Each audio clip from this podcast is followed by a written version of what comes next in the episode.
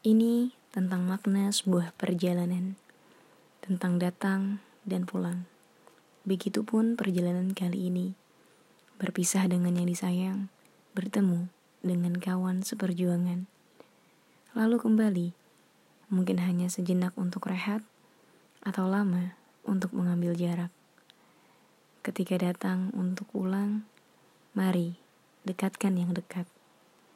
Terkadang, mereka bukan hanya ingin kamu datang, tetapi mereka ingin kita bercerita, membentuk tawa, menguatkan makna bahagia, supaya kita ingat untuk siapa kita berjuang. Mari sejenak bicara.